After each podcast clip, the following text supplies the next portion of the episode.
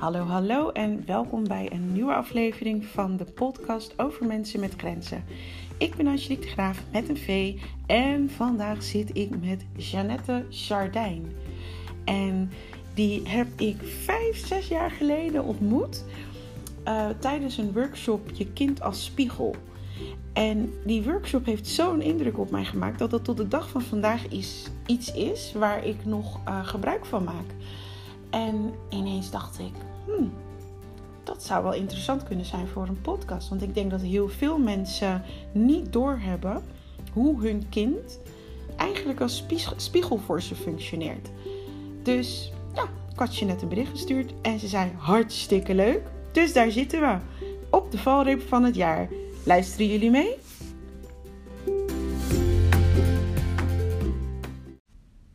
Hallo Jeannette en welkom. Dankjewel. Is het je eerste podcast? Nee, het is niet mijn eerste podcast. Maar ik ben nog niet zo uh, vertrouwd ermee, net als jij. Zoals jij bent. Maar uh, seizoen 2. niet helemaal. Uh, ja, seizoen 2 al. Jeetje, nou. Wat leuk dat je bent gekomen. Ja, dankjewel voor de uitnodiging. Nou ja, super graag gedaan. Want uh, ik wist niet eens meer of je zou weten wie ik was. Ja. Toch ja, wel? Ja, ja, ja, ja, zeker. Zeker. Ja. meeste, meeste mensen onthoud ik wel uh, die in mijn workshops voorbij komen. Maar niet allemaal, maar meestal ja, wel. Jij ja. had een workshop bij de Hodenpijl. Dat is mijn lievelingsrestaurantje. Uh, en daar hebben ze ook allemaal uh, andere dingetjes. Maar had jij super toffe plekken. Oh my god, I love it. Het is geweldig. En um, ja, jij had daar een workshop, je kind als spiegel. Ik zag dat Ja. dus een keertje toen ik daar was gaan eten. Zag ik dat en toen dacht ik, nou, dat is interessant. Leuk. Ja, ja, ik, uh, uh, ja kind als spiegel uh, heb ik, geef ik nog wel eens de workshop. met veel plezier aan ouders die het idee hebben van... Hey, dat gedrag van mijn kind, um, ja, dat doet iets met me. Dat, dat triggert me, dat irriteert me of daar maak ik me zorgen om. En kan ik daar ook op een andere manier kei- naar kijken. Dat is uh, wat ik uh, mensen eigenlijk vooraf vertel. Van goh, um, ja, je kunt op een andere manier naar gedrag kijken dan... Nou, mijn kind heeft het moeilijk of mijn kind is vervelend. Wat vertelt het eigenlijk over jou als ouder? Omdat ik uh, ja, het kind en ouders uh, als één zie. Sowieso zie ik heel veel als één, als een eenheid. En uh, ja, kinderen zijn zeker uh, feilloze spiegels voor ouders. Dus dat is waar ik onder andere jou in de workshop heb in meegenomen. Eigenlijk een beetje het kennismaken met hoe werkt dat dan. En, um, want ik kan me zo voorstellen dat iemand luistert en denkt: Oh nee, nou moet ik helemaal tot het eind van de aflevering wachten totdat ik uh, haar informatie heb. Hoe zouden ze, hè, want hoe vaak per jaar doe je die workshop? Uh, nou, zeker wel twee of drie keer per jaar. En dat wisselt een beetje qua. En hoe kunnen mensen informatie erover vinden of hoe kunnen ze jou daarover verder contacteren? Ja, sowieso via mijn website. Ik heb een website gevoeligsterk.nl. Die ah. is uh, gericht op de ouder en, ouders en kinderen. En ik heb een website onder mijn eigen naam, jeanettejardijn.nl. En dat is wat meer gericht op de mensen, uh, nou ja, uh, met kinderen, maar ook zonder kinderen die andere vragen hebben, andere levensvragen, zeg maar. Oké, okay, dat wist ik niet. Ja, nee. ja gevoeligsterk.nl. En daar ja, kunnen zeker. ze in ieder geval deze workshop. Zeker. En dan kunnen ze van daaruit denk ik ook navigeren naar de, de, andere site. Zeker, ja, ja. Die is ook makkelijk vindbaar. En zeker als het gaat om kinderen en hoe, uh, ja, wat een mooie spiegels zij zijn, uh, is Gevoelig Sterk de eerste website om te zijn, zeg maar. Ja. Fantastisch, oké. Okay, maar ik dacht, straks bestaat die workshop niet meer en dan ga ik iedereen helemaal blij maken. Ja. En dan kunnen ze het gewoon niet meer doen. Dus dat zou echt wel uh, heel nee, zijn. Nee, zeker niet. En het kan ook allemaal één op één. Dus als mensen daarvoor openstaan, dan uh, hou ik ze graag een spiegeltje voor, zeg maar. Super. En uh, dan ga ik nu weer terug naar je kind als spiegel. Hè? Um, hoe ben je erop gekomen? Um, nou, zelf ben ik ooit heel erg geraakt door een van mijn docenten tijdens de kindercoachopleiding. En zij deed uh, toen de opleiding um, ja, het, kindertolken, zo heette dat toen nog, van Janita Venema. En zij gaf me in een paar zinnen eigenlijk iets terug uh, over een leerling die ik toen in de klas had. En dat had me zo enorm geraakt. Uh, ik was zo verwonderd. Um, hoezeer het over mij ging. Want ik was aan het vertellen over dat meisje en uh, ja, bracht dat in zeg maar als een casus. Um, welke uitdagingen ik daarin tegenkwam. En zij gaf me eigenlijk met een paar zinnen terug. Ja, dat, dat, dat raakte me zo. tot in mijn ziel, zeg maar. Was gewoon voelbaar. Ehm, jouw podcast heet hè, Mensen met Grenzen. Dat ging over alles met grenzen, herinner ik me nu nog. Ehm, ja, dus dat zette iets in beweging. En ehm, ja, ik heb van mezelf gemerkt de afgelopen jaren dat als iets mij raakt, dat ik er dan eh, heel graag meer van wil weten. Uh, dus eigenlijk gelijk na die, of tijdens nog de kindercoachopleiding, ben ik de, ben ik de training gaan volgen, ook bij Janita Venema. Uh, om daar alles over te leren. Van goh, hoe werkt dat met kinderen en hoe, hoe zij spiegelen. En waarom raakt dat zo? Hè? Hoe, ja, wat kunnen we daarmee als volwassenen? Um, ik was, nou, misschien wel net als jij, als jij zegt van uh, ik heb, uh, hè, kan me die workshop nog zo goed herinneren, had ik zo'nzelfde soort moment uh, tijdens die opleiding. Zo van, aha, maar het gaat wel echt heel diep. Um, ik was me wel bewust, als ouder was ik toen ook al, ja, kinderen kunnen wel eens niet lekker in hun vel zitten. En dat heeft ook met mij te maken, hè, hoe ik me voel. -hmm. Um, maar de voorbeelden die ze daar gaf, dat, dat ging wel even verder dan uh, nou ja, niet zo lekker voelen, zeg maar. Ja, dus zo is dat ooit gekomen. Leuk. Eigenlijk, eigenlijk een soort gelijk verhaal, ja, een beetje. Ja, zeker. Ja. ja, dat het echt zo binnenkwam. Ja. En um, licht gaat ineens uit. Dus ja. ook eventjes. Waarschijnlijk is die op, uh, op, op uh, motie. Of ja, we, zitten te veel we hebben geen licht nodig gelukkig. Nee. Um, dus, en toen uh, ben je zelf dus die, diezelfde opleiding gaan volgen. Ja. En bespring ik dan heel erg in de toekomst als ik zeg dat je daarna direct uh, begonnen bent met die workshop? Of? Nou, um, redelijk snel daar wel, na, na wel. Ja, natuurlijk wel, wel weer wat vlieguren ook opgedaan met mensen. Ook uh, begeleiden, individuele trajecten. Uh, en daar de resultaten van gezien. En uh, ja, redelijk snel ook de workshops opgezet om uh, ja, eigenlijk ook in kleine groepen mensen kennis te laten maken met het spiegelen. En ja, dan ben ik, dit is even mijn nieuwsgierigheid hoor, maar wat voor dingen ben je dan tegengekomen? Voor, voor mezelf of met de mensen die op ja, mijn pad kwamen? Nou, beide eigenlijk. Nu dat je, dat je het zegt, ja. wil ik het van jou ook wel weten. Ja, ja, ja. Maar, uh, want ik heb dus wel, zeg maar... Uh, en ik kan me niet tot in detail herinneren hoe de workshop was. Maar de strekking daaruit is dat als er dus iets is... dat ik heel goed oplet wat mijn kind doet, zegt, vindt, denkt... Uh, en ik kan me bijvoorbeeld na die workshop een incident herinneren dat zij, uh, ik woon aan een hofje. En dat mijn dochter aan een ander hofje aan het spelen was. En eigenlijk gingen die kinderen haar plagen. Hmm. En dat was in die periode dat ik uh, eigenlijk dat ik geplaagd werd ja. door mijn werkgever. Ja. En dat was vlak na die workshop dat ik dacht van oké, even nadenken. Wat voor technieken heb jij geleerd? Uh, jij ziet nu dat jouw kind geplaagd wordt. Eventjes de vraag omdraaien: word jij geplaagd? Nou, shocking. Ja, ik word geplaagd. En um, toen kon ik daar dus ook een andere houding in aannemen. Hè? En, hè, want wat mijn, mijn kind toen deed, nogmaals, het is denk ik al zeven jaar geleden hoor. Oh, Vijf ja. of zeven ja. jaar, het is echt een tijd terug. En wat, um, wat ik toen deed, was um, enerzijds haar eigenlijk aanmanen van je laat je niet pesten en uh, dat. Ja. En anderzijds heb ik dat dus ook bij mezelf gedaan van ho ho, jij zit heel de tijd redelijk en lief en proberen om er iets van te maken. Terwijl je eigenlijk gewoon keihard gepest wordt op dit moment. Ja. En toen heb ik dus ook mijn houding daarin veranderd. Uh, van ja, het, het, het, slachtoffer eigenlijk. Of van niet begrijpen waarom mensen dat doen. Of, uh, ja, en, en zo zag ik van, zij heeft mij laten zien dat ik gepest werd. En doordat ik dat zag op die manier, um, heb ik mijn houding veranderd. En heb ik, uh, ja, heb ik even mijn rug rechtgetrokken van, ho ho, zo laat ik mij niet behandelen. Ja. Ja. Wat ik dus ook aan haar had geadviseerd. Ja. Ja, en dat maakt het voor je kind dan veel aannemelijker. Ja. Hè? Want jij doet het voor en dan is het voelbaar voor je kind. Ehm, ja, hoe je überhaupt zoiets doet. Hè? Buiten dat kinderen dat nog steeds wel moeilijk kunnen en mogen vinden. Ehm, maar ja, prachtig voorbeeld. Want in mijn ogen is het zo ja, noodzakelijk om die vraag eerst eens aan jezelf te stellen. Van hé, hey, wat speelt er nu in mijn leven? En als ik het is één op één naar me, op mezelf betrek eh, wie of wat is mij dan aan het pesten? En Ja. Ja, soms is dat inderdaad een werkgever. En, maar in feite ben je natuurlijk jezelf aan het pesten. Doordat je het of lastig vindt om je grenzen aan te geven. Nou ja, is het interessant om te kijken wat, wat maakt het lastig voor mij? Hè? Wat is daar allemaal mee gemoeid? Ehm, dus een kind zal niet bewust bedenken van ik ga mezelf eens laten pesten om mama een voorbeeld te stellen. Ehm, maar het heeft wel voelbaar een bepaalde lading. Ehm, het opkomen voor jezelf bijvoorbeeld. Dat heeft dan een bepaalde lading. Ook voor haar, onbewust. En dat wordt eigenlijk op zo'n moment uitvergroot in de situaties die, eh, die zich voordoen.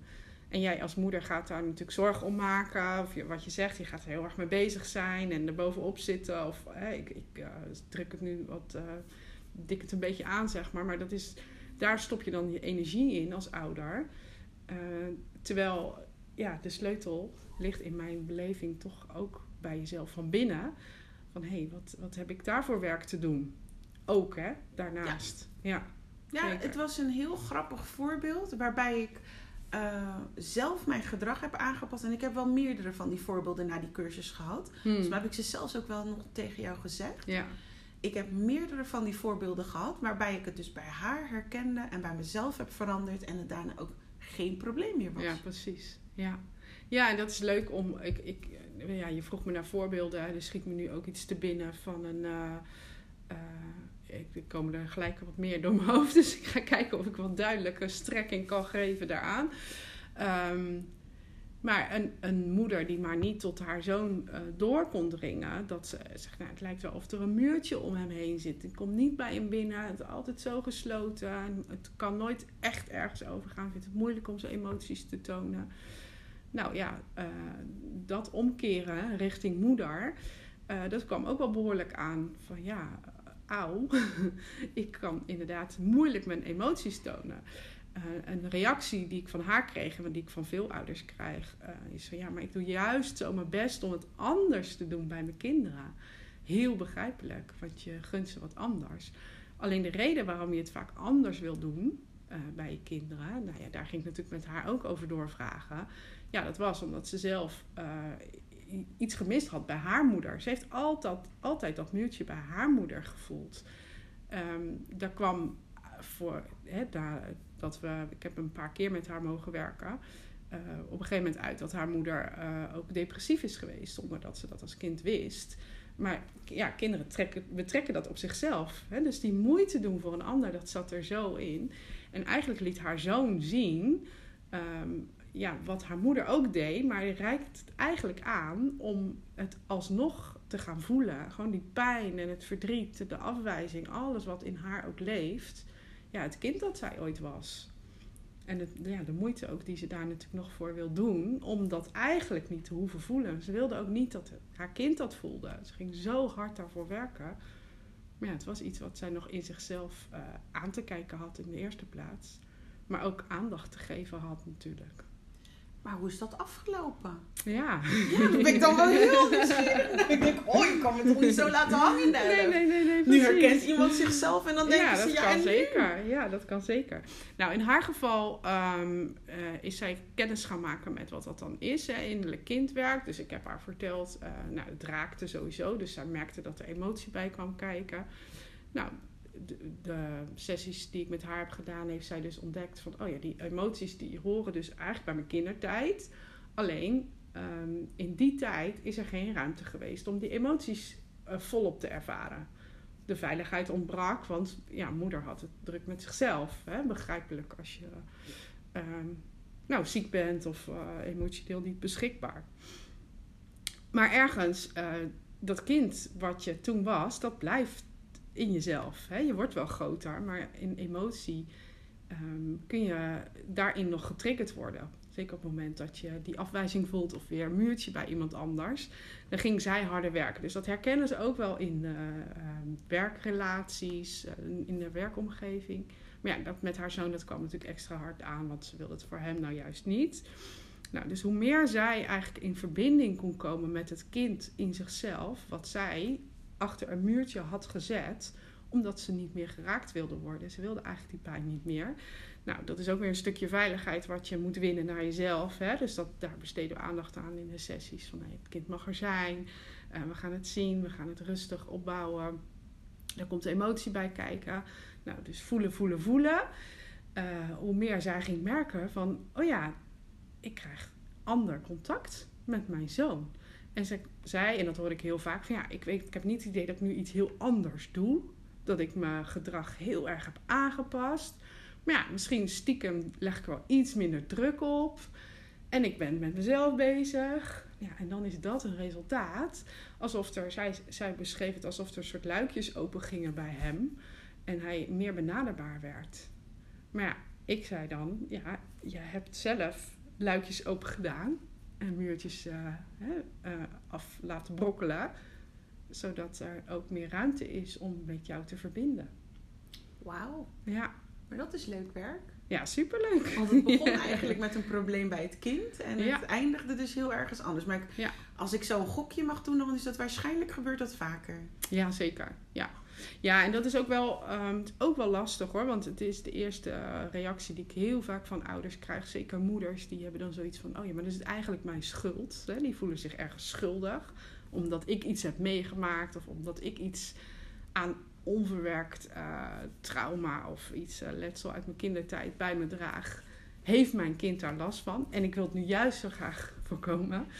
Um, dus dat is eigenlijk een eerste stap om daar al een soort van neutraal in te gaan staan. Want ja, weet je, dat is ook maar weer een. Het is wat het is. Ja. En het is eigenlijk een trucje, hè? Je doet het niet expres, het is onbewust. En uh, het is ook een trucje, je schuldig voelen um, van de mind. Um, want in, in dat trucje ga je dus weer harder werken. Want vanuit schuldgevoel willen we gaan compenseren. En dan wil je je kind gaan helpen. Weer al die focus naar je kind. En niet bij je eigen pijn. Ja, heel slim hè. Dat lichaam is zo slim. Want voordat we begonnen, toen zei ik dat al tegen je. Van uh, aflevering 5 met uh, Daniel van Loosbroek. Mm. Um, van dat lichaam heeft zoveel trucjes om die pijn niet te hoeven voelen. Ja, hè? ja, dus en in je mind zit het, maar ook in je lijf, inderdaad. Zijn we natuurlijk, ja, van, van nature zijn we pijnvermijdend. Ja, dus maar dat het dus best tot een extreem kan gaan. Zeker, ja. Ik heb een vraagje. Um, en misschien is het een afwijkende vraag, maar ik kan het niet laten. ik ben echt super nieuwsgierig. Ja, wat ik doe, ik ben zeg maar iemand, ik hou van observeren. En wat ik merk um, is dat, um, dat mensen soms als er iets gebeurt op een bepaalde leeftijd. Hè, ja, per leeftijd heb je fases. En als ik niet bij de juiste persoon ben, moet je het ook zeggen hoor. Heb je fases en in elke fase zit gedrag. Mm -hmm. En wat mij is opgevallen na al die jaren is dat als mensen op een bepaalde leeftijd dus iets meemaken dat ze dat gedrag, alsof dat, dat ene deel van ze niet verder ontwikkelt. Ja.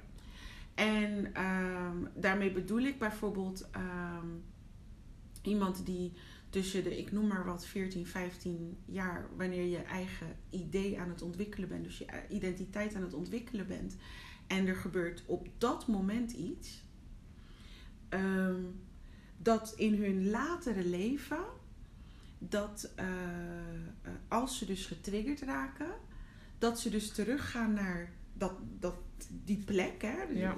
En dan kan je dus in die trigger ontdekken, tenminste dat is iets wat ik inmiddels dus heb geleerd, van hé, hey, er is iets met jou gebeurd op deze leeftijd. Ja.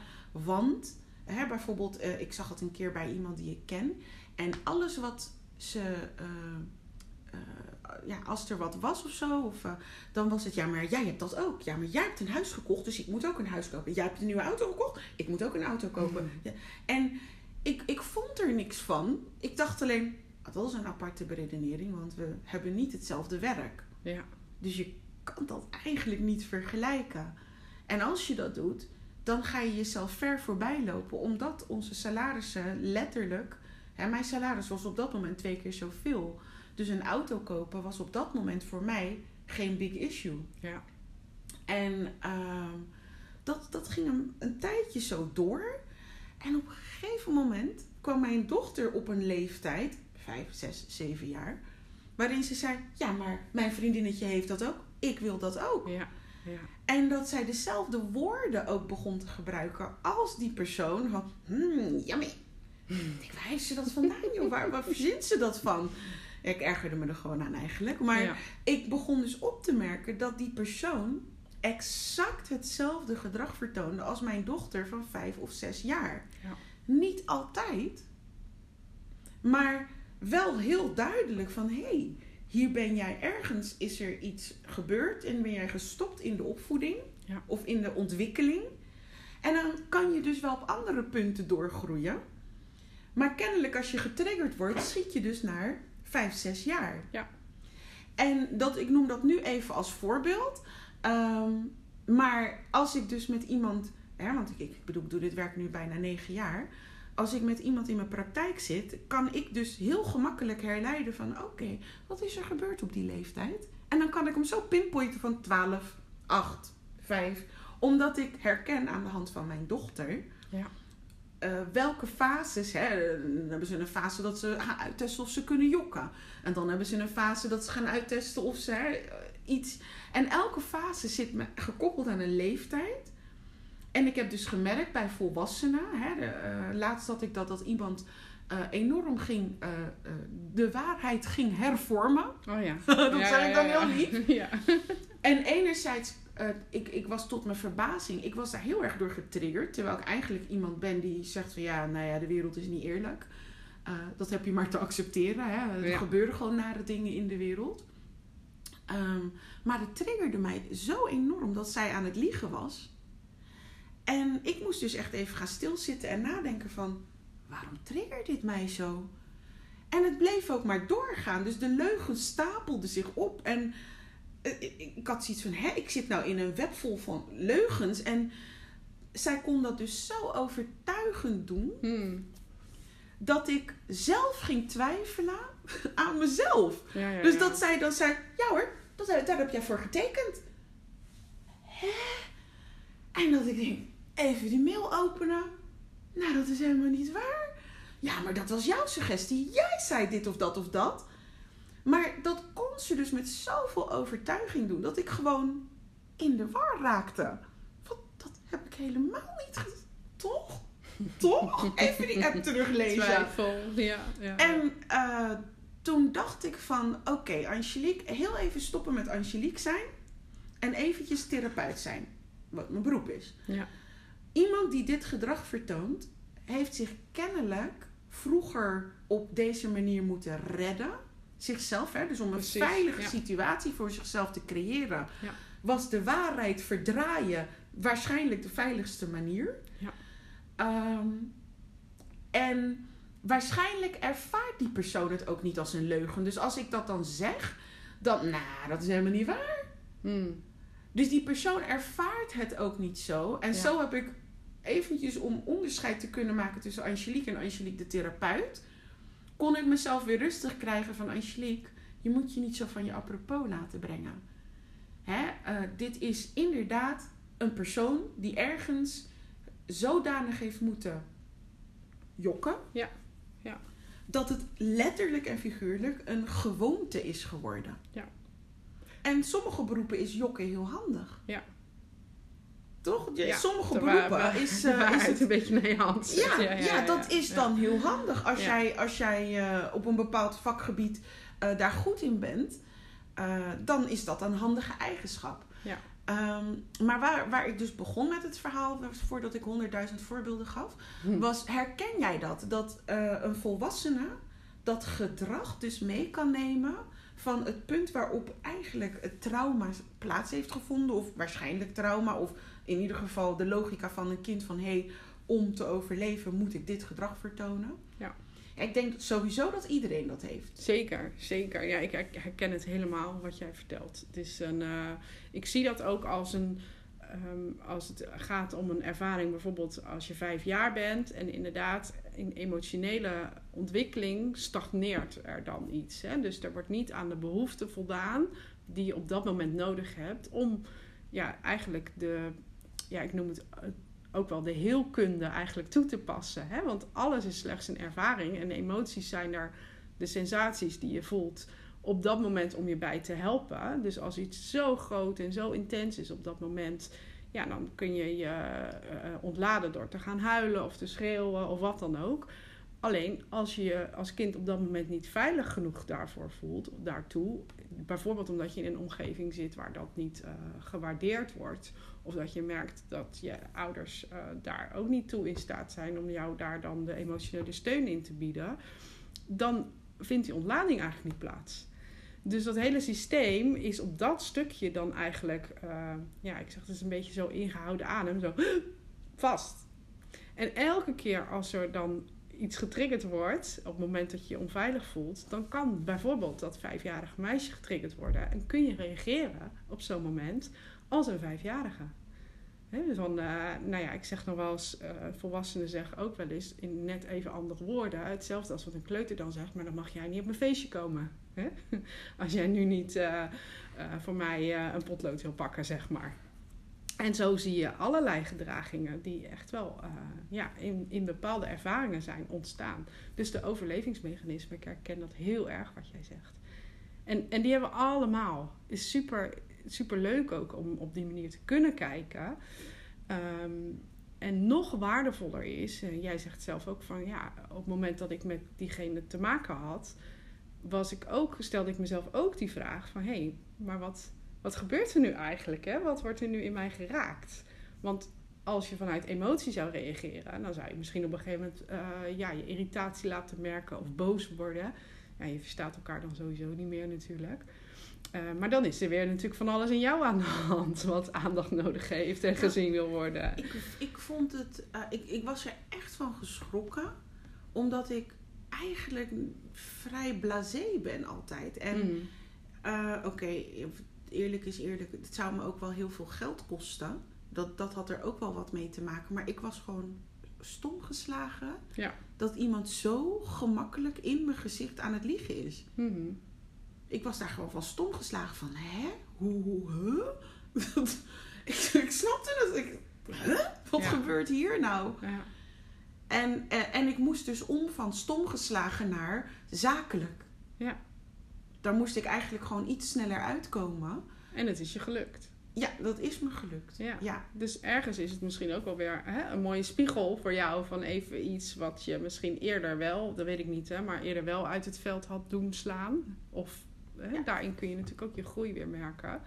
Of je kunt voor jezelf kijken van hé, hey, maar wat interessant dat dit nu eigenlijk nu op mijn pad komt. En dat ik nu juist weer even flink mijn grenzen aan moet geven. Uh, of bij mezelf mag blijven in een verbindende manier, want ik zie haar ook en ik zie haar patroon. Uh, nou, en dat laat ik bij haar en ik blijf vanuit rust communiceren en uh, staan voor wat ik zeg. Maar even was ik aan het wankelen. En ik denk dat dat ook iets is wat je met heel veel liefde en zachtheid steeds naar jezelf mag doen. Van hé, hey, wat gebeurt er nou eigenlijk en welke behoefte leeft er in mij? Dat is ook een van die dingen die ik in de workshops leer aan mensen. Van ja, weet je, het is. Um, de pijn die je toen hebt gehad, hè, als het gaat om jouw innerlijk kind. Um, en nou ja, ook nog verder terug, maar daar komen we zo misschien nog wel eventjes op. In de eerste plaats dat, uh, ja, die heeft iets nodig. En vanuit het kind ben je eigenlijk ergens nog geneigd om bij je ouders dat te gaan halen. Van, ik heb het toen niet gekregen. Dus je kunt ook te maken hebben met verwend gedrag, het buiten jezelf plaatsen, uh, puberaal gedrag. Uh, dus dat volwassenen op puberaal reageren, zo van laat maar. Of uh, dat ze super boos zijn, jullie begrijpen me niet. En de hele wereld staat maar lekker in elkaar. En lost het zelf wel op en al die dingen. Um, wat, wat daarin belangrijk is te weten, dat en je te beseffen, weet je, als jouw ouders het je hadden kunnen geven, dan hadden ze dat gedaan. Maar ze zijn niet in hun vermogen geweest om jou dat op dat moment te geven. En als jij dus nu de volwassene bent, dan heb je daar iets voor jezelf te doen.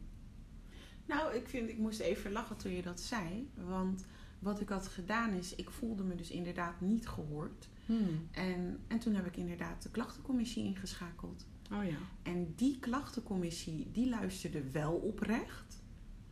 En die zei wel van, hé, hey, uh, ik ga dit uitzoeken en als het niet klopt, dan hang ik bij je aan de lijn. Ja. En toen was het weg. Hmm. Dus eigenlijk, de, ik ben naar de ouder gegaan Ja, ja, ja. Om te klikken van... Ja. hey, dit is niet eerlijk. Ja. Er wordt gejokt. ja, precies. Ja. En eigenlijk was het vanaf dat moment voor mij ook klaar van... ah, Oké, ze heeft geluisterd. Ik heb het gevoel dat ze eerlijk is en dat ze er eerlijk naar gaat kijken. Ja, Ja. en wat de uitkomst is, is dan iets minder relevant voor me. Ja, precies. Nou ja, dat. Als je dat kan, kan voelen, en jij deed het ook al met je lichaam zo, hè? Zo, Ja, ah, die Ja. zucht. Nou, dat is een afronding hè, van een ervaring. Zo van, ik deed net die ingehouden adem. Op het moment dat iets heel ingrijpends gebeurt, dat je echt even die onveiligheid voelt, dan doen we dit vastzetten. En inderdaad, ah, die ontlading, op het moment dat je dan wel gehoord wordt, eh, voelt. En nou ja, dan kan die ontlading ook plaatsvinden. En soms is het dan inderdaad, dat kan ik ook wel steeds meer merken, van dan maakt het me eigenlijk niet zo heel veel uit meer wat de uitkomst is. Eh, maar goed, in het geval van de mensen die bij mij aankloppen in de praktijk, die hebben natuurlijk eigenlijk wel een bepaald eh, resultaat voor ogen, want ze willen dat het met hun kind beter gaat. Dus dan is het soms ook wel moeilijk om bij jezelf te houden van, ja, maar we zijn hier toch voor mijn kind of ik wil dat het met mijn kind beter gaat. En nu moet ik volle focus op mezelf leggen. Eh, gelukkig is het wel zo dat die moeite ergens wel, eh, ja, bijna altijd gewoon goed beloond wordt. En dat je toch wel snel eh, daar de vruchten van plukt.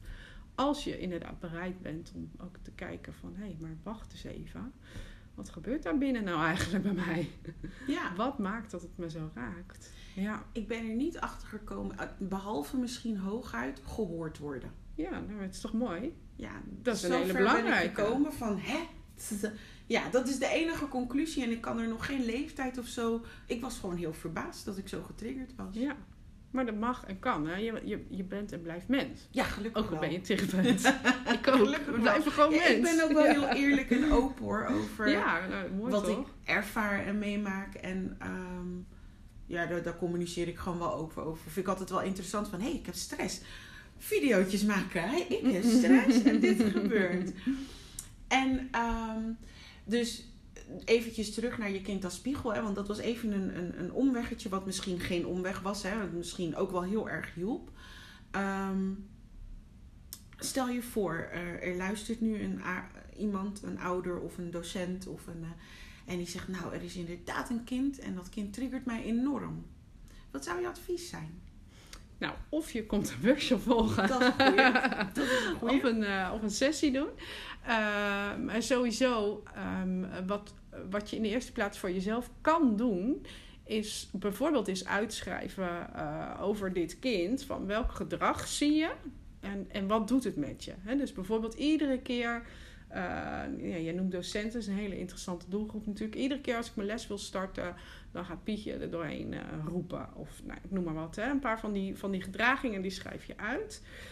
En dan ehm, leg je het even weg en dan pak je het er weer bij. En dan maak je eigenlijk van elke keer als je over Pietje schrijft, zeg maar. Iedere keer als ik mijn les wil beginnen, dan roep ik er doorheen. Dus dan vervang je die naam Ja. door jezelf. Eh, dan krijg je een beetje gekke zinnen. Maar dat jouzelf, nou, dat is interessant om eerst eens te kijken van... hé, hey, waar raakt mij dat? Wie of wat in mij is er nu eigenlijk aan het roepen? Wie verstoort de boel? En het kan zijn dat je direct herkent zo van... oh ja, dit heb ik ook. Ik, ik zit mezelf in de weg. Of ik leid mezelf constant af. Of als het ergens om moet gaan, dan eh, zit ik, is er een stemmetje doorheen aan het roepen. Het kan ook zijn dat het juist helemaal niet herkenbaar is. En dan, ja, ik vraag dan natuurlijk vaak door bij mensen. Ehm, maar dat mensen mij vertellen van ja, maar ik ben juist degene die altijd een ander de ruimte geeft. Een ander het woord geeft. Nou, in het kader van alles is één, hè, als je vanuit een holistische visie kijkt. ehm, als jij als kind al hebt aangepast om de een of andere redenen, dan, dan weet je dat daar ergens je pijn zit. Want je doet dat met een reden. Altijd iemand anders de ruimte geven. En dan zijn er ook nog mensen die zeggen: Ja, maar ik vind het eigenlijk wel prima zo. Maar wat ga je daarmee uit de weg? Want als je holistisch kijkt, dan is daar een, een onbalans. Als er iemand is die zegt van nou neem alle ruimte, neem alle ruimte, dan is er ook een deel van jou wat ook wel eens een keertje zou willen roepen of schreeuwen. Maar dat ga ik echt niet doen. Ik heb daar zo'n oordeel op. Ik vind daar wat van. Of die mensen vind ik zo vervelend. Nou, waarschijnlijk omdat je daar zelf een keer behoorlijk door geraakt bent. Of gewoon ja, veel pijn en verdriet van hebt gehad. Maar dat betekent niet dat de roepende in jou is niet af en toe gehoord mag worden. Dus zo kun je hem ook zien. Ja, ik heb deze strategie, dat, dat noem ik, de, nou, laat maar zeggen, de laatste strategie noem ik dat.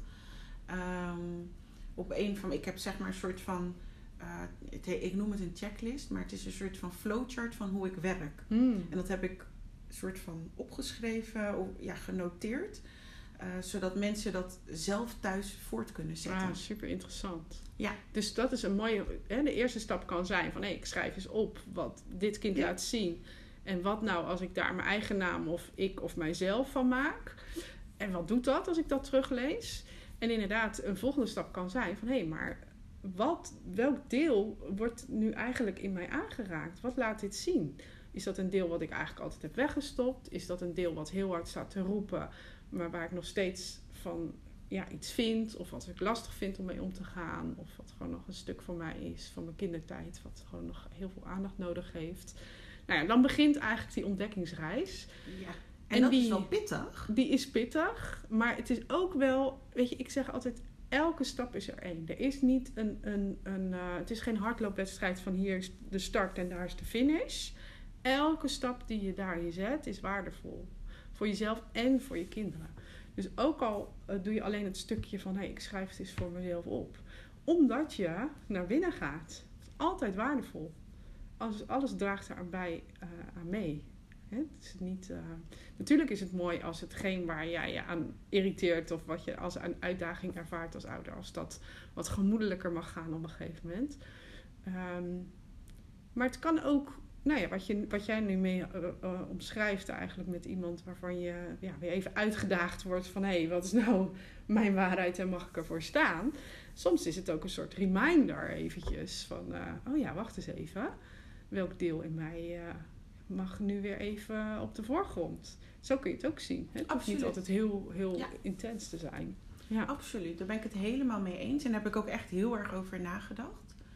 Ehm, maar ik kan me ook voorstellen dat de ouders die nu luisteren, of de, nogmaals, de docenten, of de kinderopvangmedewerkers, of iemand anders die getriggerd wordt door een kind, dat die eigenlijk ehm, denkt: huh, een spiegel voor mij? Ja. Nee, dat kind is gewoon irritant. Ja. Ja, Of, eh, ja, hè, en, en dat die stap maken om te zeggen van... hé, hey, dit kind spiegelt iets bij mij waar ik wat van kan leren... dat dat eigenlijk iets is wat ze nog nooit hebben gehoord. Hè, wat, Ja. wat nog nooit is opgekomen bij je of waar je nog nooit van hebt gehoord. Of ehm, dat die persoon het compleet niet herkent. Dat kan, zeker. Ja. Ik, sterker nog, ik kan me zo voorstellen dat het gros van de mensen die nu luisteren denkt... ja. Wat? ja. Ja. Hoe zou je dat kunnen herkennen? Nou, iets dat je raakt.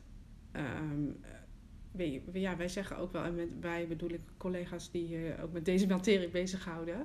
ehm hè, wat raakt, dat haakt. Het gaat over jou. Want kijk, we kunnen van alles tegenkomen in ons dagelijks leven. Niet alleen onze kinderen zijn spiegels, maar ook, eh, er zijn ook mensen die zeggen: ja, ik sta altijd in de verkeerde rij eh, in de supermarkt, de verkeerde rij in de kassa, of ik tref de verkeerde mannen, weet ik veel wat voor uitspraken mensen allemaal doen. En dat worden overtuigingen natuurlijk.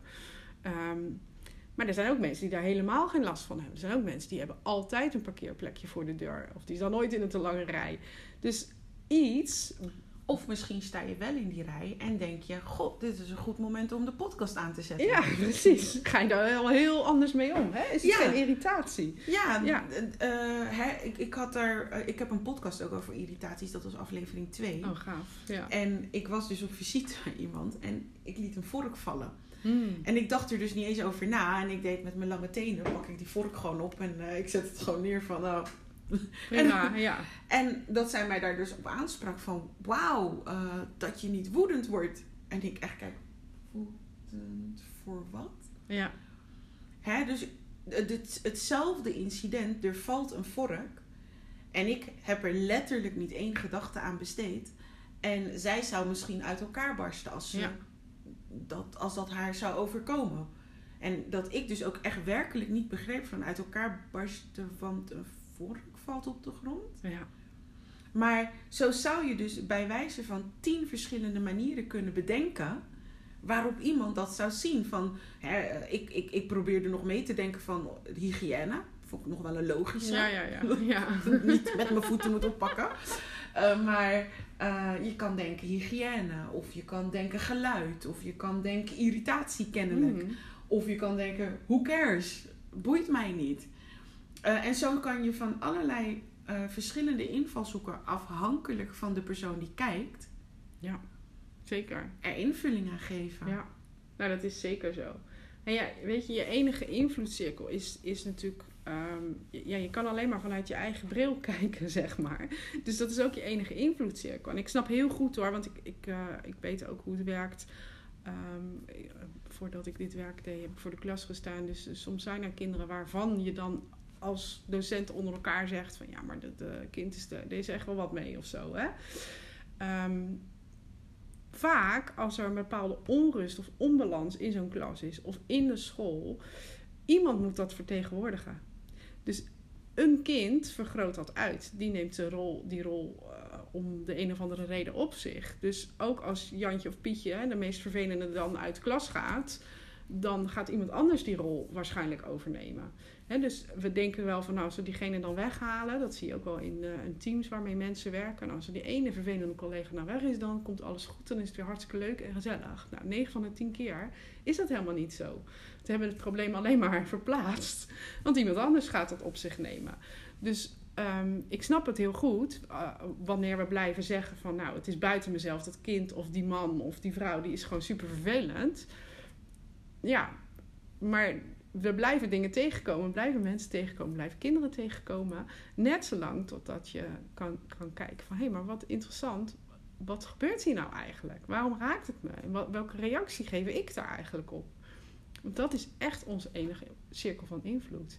En daarmee uh, zorgen we niet alleen maar dat. Uh, ik bedoel, het is niet zo dat Pietje dan alleen maar uh, voorbeeldgedrag gaat vertonen. Uh, dat kan best nog wel eens een beetje vervelend zijn of uh, behoorlijk vervelend. Alleen daardoor ben je bijvoorbeeld ook in staat om anders te reageren. En een ander klimaat te reageren met elkaar. En als dat meer een klimaat is met uh, veiligheid, ja, dat heeft invloed op die hele groep. Dus dan hoeft dat ook niet meer zo uitvergroot te worden. Dat er eentje, uh, nou, bewijs van clownesk gedrag gaat vertonen. Of een beetje onveilig gedrag voor anderen. Omdat het in de basis goed zit. Dus we mogen, wat mij betreft, veel meer naar binnen. En ik snap heel goed dat het, um, nou, als mensen zich daar niet direct in herkennen, dat het soms ook wel als een grote zoektocht of als een grote puzzel of zo kan voelen. Of bedreiging. Of bedreiging. Kan ik me ook wel voorstellen. Ja, want het gaat het om jezelf. Hè? Dan moet je naar, je, naar binnen dus.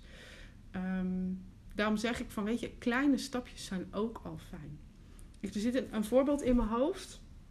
Um, dat was van een moeder en, en uh, vind je het goed als ik Ja, tuurlijk. Ja, zij had een dochter en die uh, kon verdrietig zijn om van alles en nog wat. En ze, ja, ze mag best wel wat, nou, ze noemde dat dan gevoelig. Ze mag best wel wat gevoelig zijn. Uh, maar ja, eigenlijk heeft ze heel vaak gewoon helemaal geen reden om verdrietig te zijn. En dan is zij dus verdrietig. Nou, dus met haar ben ik gaan kijken van, hé, hey, wat in jou en, en wat in jouw hele systeem, hè, want ook moeder of vader is natuurlijk ooit een kind geweest.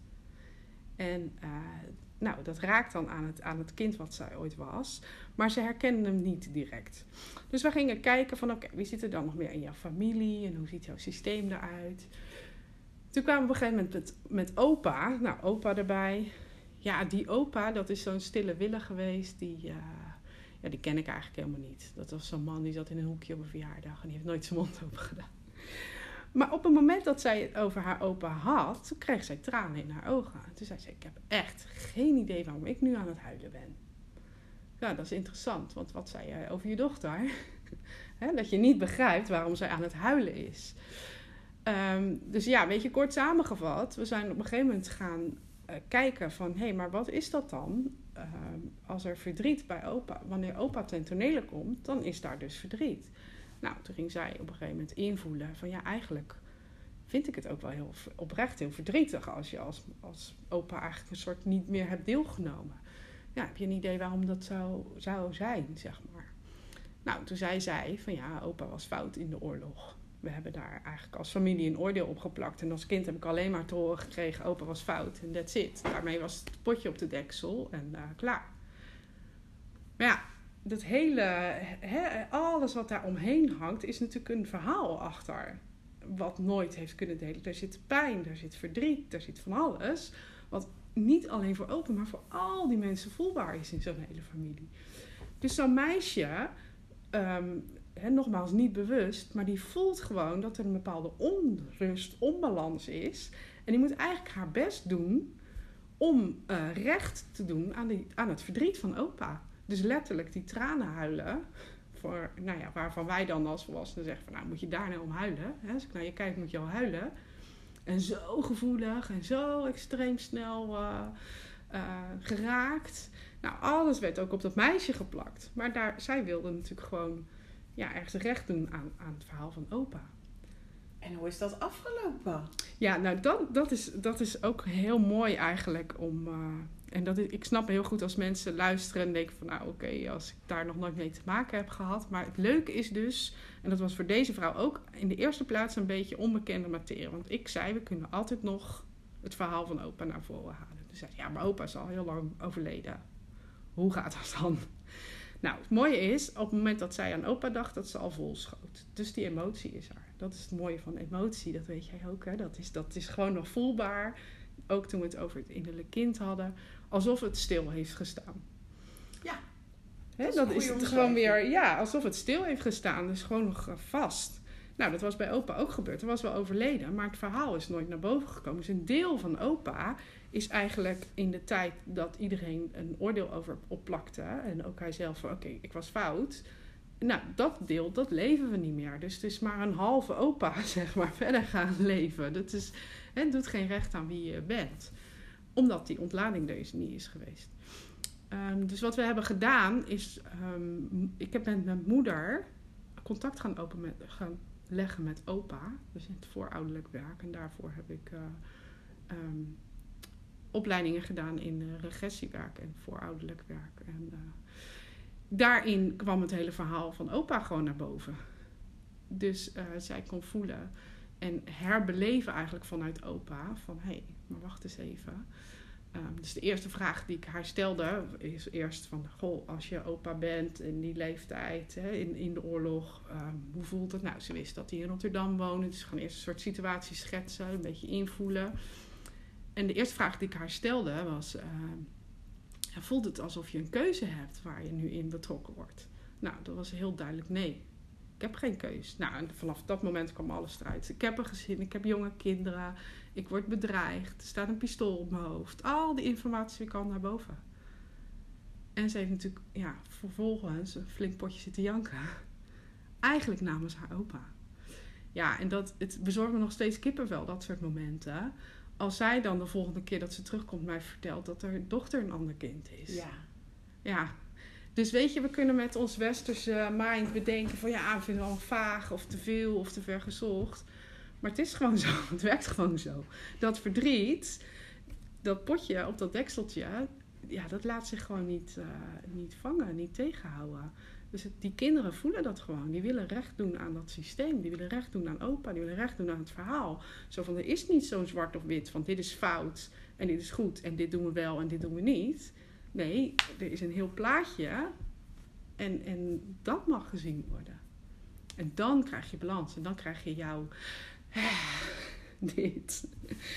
En die moeder zei: Ik heb nog nooit zoveel gehad. Zit ik hier bij jou, zit ik alleen maar te huilen. Ik zei: Ja, weet je nog namens wie? Oh ja, namens opa. Nou ja, en toen gingen we natuurlijk invoelen hoe het met opa was. Dat het verhaal nog een keertje naar buiten kwam. Nou, zei ze: Ik voel alleen maar rust. Ja, dat willen we hebben. Maar dat is heel diep. Dus het kan, het kan ook best alle kanten op gaan. Hè? Want uh, we hadden het eerst over echt gedrag van het kind. Want dat hebben, daar ja. hebben we het nog steeds over. Zeker. Maar dat kan dus vanuit allerlei invalshoeken Zeker. komen. Ja, want ik blijf natuurlijk wel... Uh, weet je, zij komt met een vraag over haar dochter. Dus dat is mijn referentiekader. Um, als moeder wil zij dat haar dochter lekkerder in, vel, in haar vel zit. En weet je, want de dochter had natuurlijk zelf ook wel eens wel last van het feit dat ze snel moest huilen. Ook op school werd er dan wat van gezegd en al die dingen. Um, maar op het moment dat moeder dan, um, dat, dat je het idee hebt van nou, eigenlijk gaat het verhaal niet diep genoeg bij moeder, dan weet je dat je verder terug moet kijken. Weet je, want moeder heeft ook ouders gehad. En hoe is dat dan? En waar zit die, waar zit die sleutel? Waar zit het grootste trauma? Dat is eigenlijk waar ik naar op zoek ben. Waar zit het meest uh, vast? Ja. Dus naast het spiegelen uh, is dat voor ouderlijk werk gewoon een hele belangrijke rol uh, gaan spelen in mijn werk. Want ja, kinderen blijven spiegelen totdat. Uh, sowieso, ook als je wel dingen hebt aangekeken, blijven ze spiegelen. Maar de grootste uitdagingen zeg maar, worden milder en worden anders. Of je gaat anders beleven. Of merk inderdaad dat het gewoon verdwijnt. Dat mensen zeggen, nou, ik heb gewoon echt een ander kind nu in dat gedrag. Um, als je de, de angel te pakken hebt, zeg maar. Ja, soms is het wel even wat speurwerk.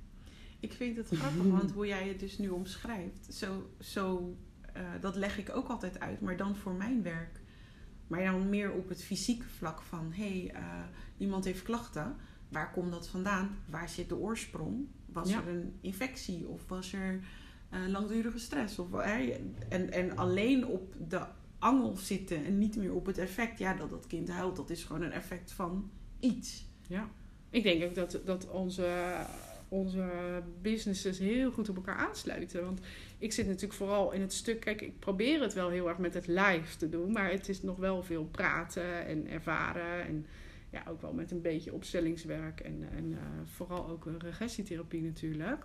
Um, maar daarnaast, weet je, al die informatie zit ook opgeslagen in het lijf. Dus daar komt ook iets van ontlading. En ik krijg wel van mensen ook wel terug dat fysieke klachten uh, veranderen of verdwijnen of dat daar wat mee gebeurt. Maar goed, dat is natuurlijk veel meer nog jouw expertise. Dus ik verwijs mensen dan vaak ook nog wel door van ja, ga nog iets met dat lijf doen. Hè? Ga nog iets uh, daar voor jezelf uh, uh, bij deskundigen raadplegen. maar dat is natuurlijk precies jouw vakgebied ook. Nou, ja. dat, precies datzelfde dacht ik net ook van... Oh, maar dat zijn weer dingen die ik niet kan. En dat zijn dingen waar ik dan weer zelf weer voor moet doorsturen. Ja. Van, oké, okay, dit lukt mij niet. ik, ik, het zou zelfs ook niet bij mij opkomen hoor, om het bij open te zoeken. Oh ja. Ja. Eigenlijk, je vertelde dat verhaal en ik dacht, huh? oh zo, daar zou ik nooit aan hebben gedacht. Ja. Nee, maar weet je, dat is ook wel iets. Uh, mensen vragen me wel eens van hoe weet je nou waar je moet wezen? Um, nou, sowieso doordat je jaren bezig bent, dan gaat het eigenlijk sneller. Ja. En wat jij zegt, doe ik ook uh, door, door bepaalde reacties van mensen. Weet je al van oké, okay, die tijd die heeft wat lading. En als je dan het hele plaatje van dat systeem erbij gaat pakken. Um, de, mensen geven eigenlijk hun eigen antwoorden. Ja. Want in dit geval was het, oké, okay, opa komt erbij en ik uh, krijg tranen in mijn ogen. Dit is gek. Nou, ik vind niks gek. Ik vind dat alleen maar mooi als er zoiets gebeurt. Dus ik ga daar natuurlijk op door als therapeut. Weet je, dat trekt, trekt meteen mijn aandacht. Dus ja, mensen zeggen daar iets over terwijl je in een sessie zit. Of het doet wat. Of er wordt juist niks over gezegd. Hè? Dat mensen wel over over de ene kant van de familie hebben, maar helemaal niet over de andere kant. Nou, dan is het natuurlijk aan jou als therapeut om dat juist wel te vragen. Um, ja, dus dat principe, dat, dat kun je eigenlijk zo klein en zo groot toepassen als je zelf wil. Ik heb een vraagje.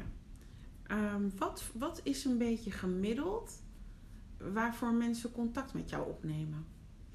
Want ik kan me zo mm -hmm. voorstellen dat als iemand hier nu naar luistert, dat hij denkt van, hè, uh, um, ik heb wat voorbeelden ge gehoord en nou, je gaat er zelf echt nooit achter komen. Hè, als jij als luisteraar dit voor het eerst hoort en nooit van dit ja. concept hebt gehoord of nooit van zo'n werkwijze hebt gehoord, kan ik me ook echt wel voorstellen dat je denkt, hè? Maar ja. waar zou iemand dus, wat is een beetje zo gemiddeld, met wat voor klachten komen mensen bij jou, ouders bij jou? Ja, ja, dat is een hele goede vraag. Goed om die specifiek te maken. Want uh, ik merk inderdaad inmiddels dat, dat de vraag waarmee mensen komen wel heel erg uiteenlopen. Uh, maar als het gaat om kinderen, dan is dat vooral dat uh, kinderen niet lekker in hun vel zitten. Um, ook wel kinderen, ik heb nu ook wel wat ouders met pubers die nou, wat, wat donkere gedachten hebben bijvoorbeeld. Um, maar ook kinderen die weinig vriendjes, vriendinnetjes hebben waar ouders zich zorgen over maken. Heel veel kinderen ja, waarvan ouders dus beschrijven, ja, het is een heel gevoelig kind. En we, ervaren daar wat uitdagingen mee op school en alles. Het is eigenlijk heel veel in de, in de sociaal-emotionele problematiek. kinderen die slecht slapen, kinderen die angsten ervaren. Dat zijn eigenlijk de meest voorkomende vragen. Kinderen met weinig zelfvertrouwen, waarmee ouders dan zeggen van ja, ik, ik wil daar wat mee, er moet wat mee. En soms hebben ouders ook al van alles uh, gedaan ook met de kinderen qua um, nou ja, coaching of trajecten of, of, op school al van alles gedaan. Soms ook niet. Soms zeggen ouders van nou, dit is voor mij een eerste stap om eens te kijken van wat kan ik doen. Maar eigenlijk in die hoek, uh, uh, ja, daar moet je aan denken, zeg maar, aan dat soort vragen. Ja. En dan, en dan uh, gaan ze naar gevoeligesterk.nl. Ja. En dan? Ja, dan kunnen ze een sessie aanvragen. En um, ja, in het spiegelen is het zo. Ik ben echt van de, lang, van de kortdurige trajecten. Ik geloof niet zo in hele lange routes. Um, ik noem mezelf eigenlijk ook nog steeds gewoon coach. ook ondanks dat ik therapeutische opleidingen heb gedaan. Um, maar ja, de, de, mens heeft alle antwoorden in zich, ook het kind. Dus door een tijdje mee te wandelen, um, ja, word je eigenlijk weer die spiegel voorgehouden. Zo van, oh ja, wat zit daar nou eigenlijk van binnen? En zo hebben we elkaar allemaal nodig. Ook ik. Ook ik ga af en toe naar iemand toe waarvan ik dan weer even die spiegel mag ervaren. Uh, dus hoe dat eruit ziet, is dat je eigenlijk met twee, drie sessies, soms net iets meer, soms iets minder, um, ja, gewoon heel veel uh, en handvatten krijgt, maar daarnaast uh, vooral dus gaat ervaren van, hé, hey, maar dit doet iets voor mijn kind. Het zit weer lekker in zijn vel of wat dan ook. dat je daarmee aan de slag gaat. En dat zijn dan wel sessies waar ook een aantal weken tussen zit. Um, dus het proces gaat door. Hè? Dat is niet alleen in de sessie zelf, maar het is echt een proces wat je aangaat. ja, en zo ziet dat eruit. Mag ik jou hartelijk bedanken voor dit gesprek? Ja, zeker mag dat. Iets wat jij wilde delen? Nee, ik vind het hartstikke leuk zo met jou gesproken te hebben. Ik merk als ik daarover praat dat ik er volgens mij al uren over kan praten. Ja, hoe makkelijk dat, dat gaat. Ja, als ja. iemand er zo naar vraagt. Ja, dus ja. alleen maar heel fijn en heel leuk. En ja, leuk dat mensen um, daar nieuwsgierig naar zijn hè, via jouw podcast. Interessante titel ook. Zeker ook als, als het gaat om grenzen, dan oh, is daar heel veel in te ontdekken. En ook heel veel wat kinderen ons spiegelen. Dus ja, weet je, mochten de mensen nieuwsgierig zijn geworden, kunnen ze altijd op mijn website terecht. En, uh, Gevoeligsterk.nl vragen, vragen stellen mag altijd. Ja.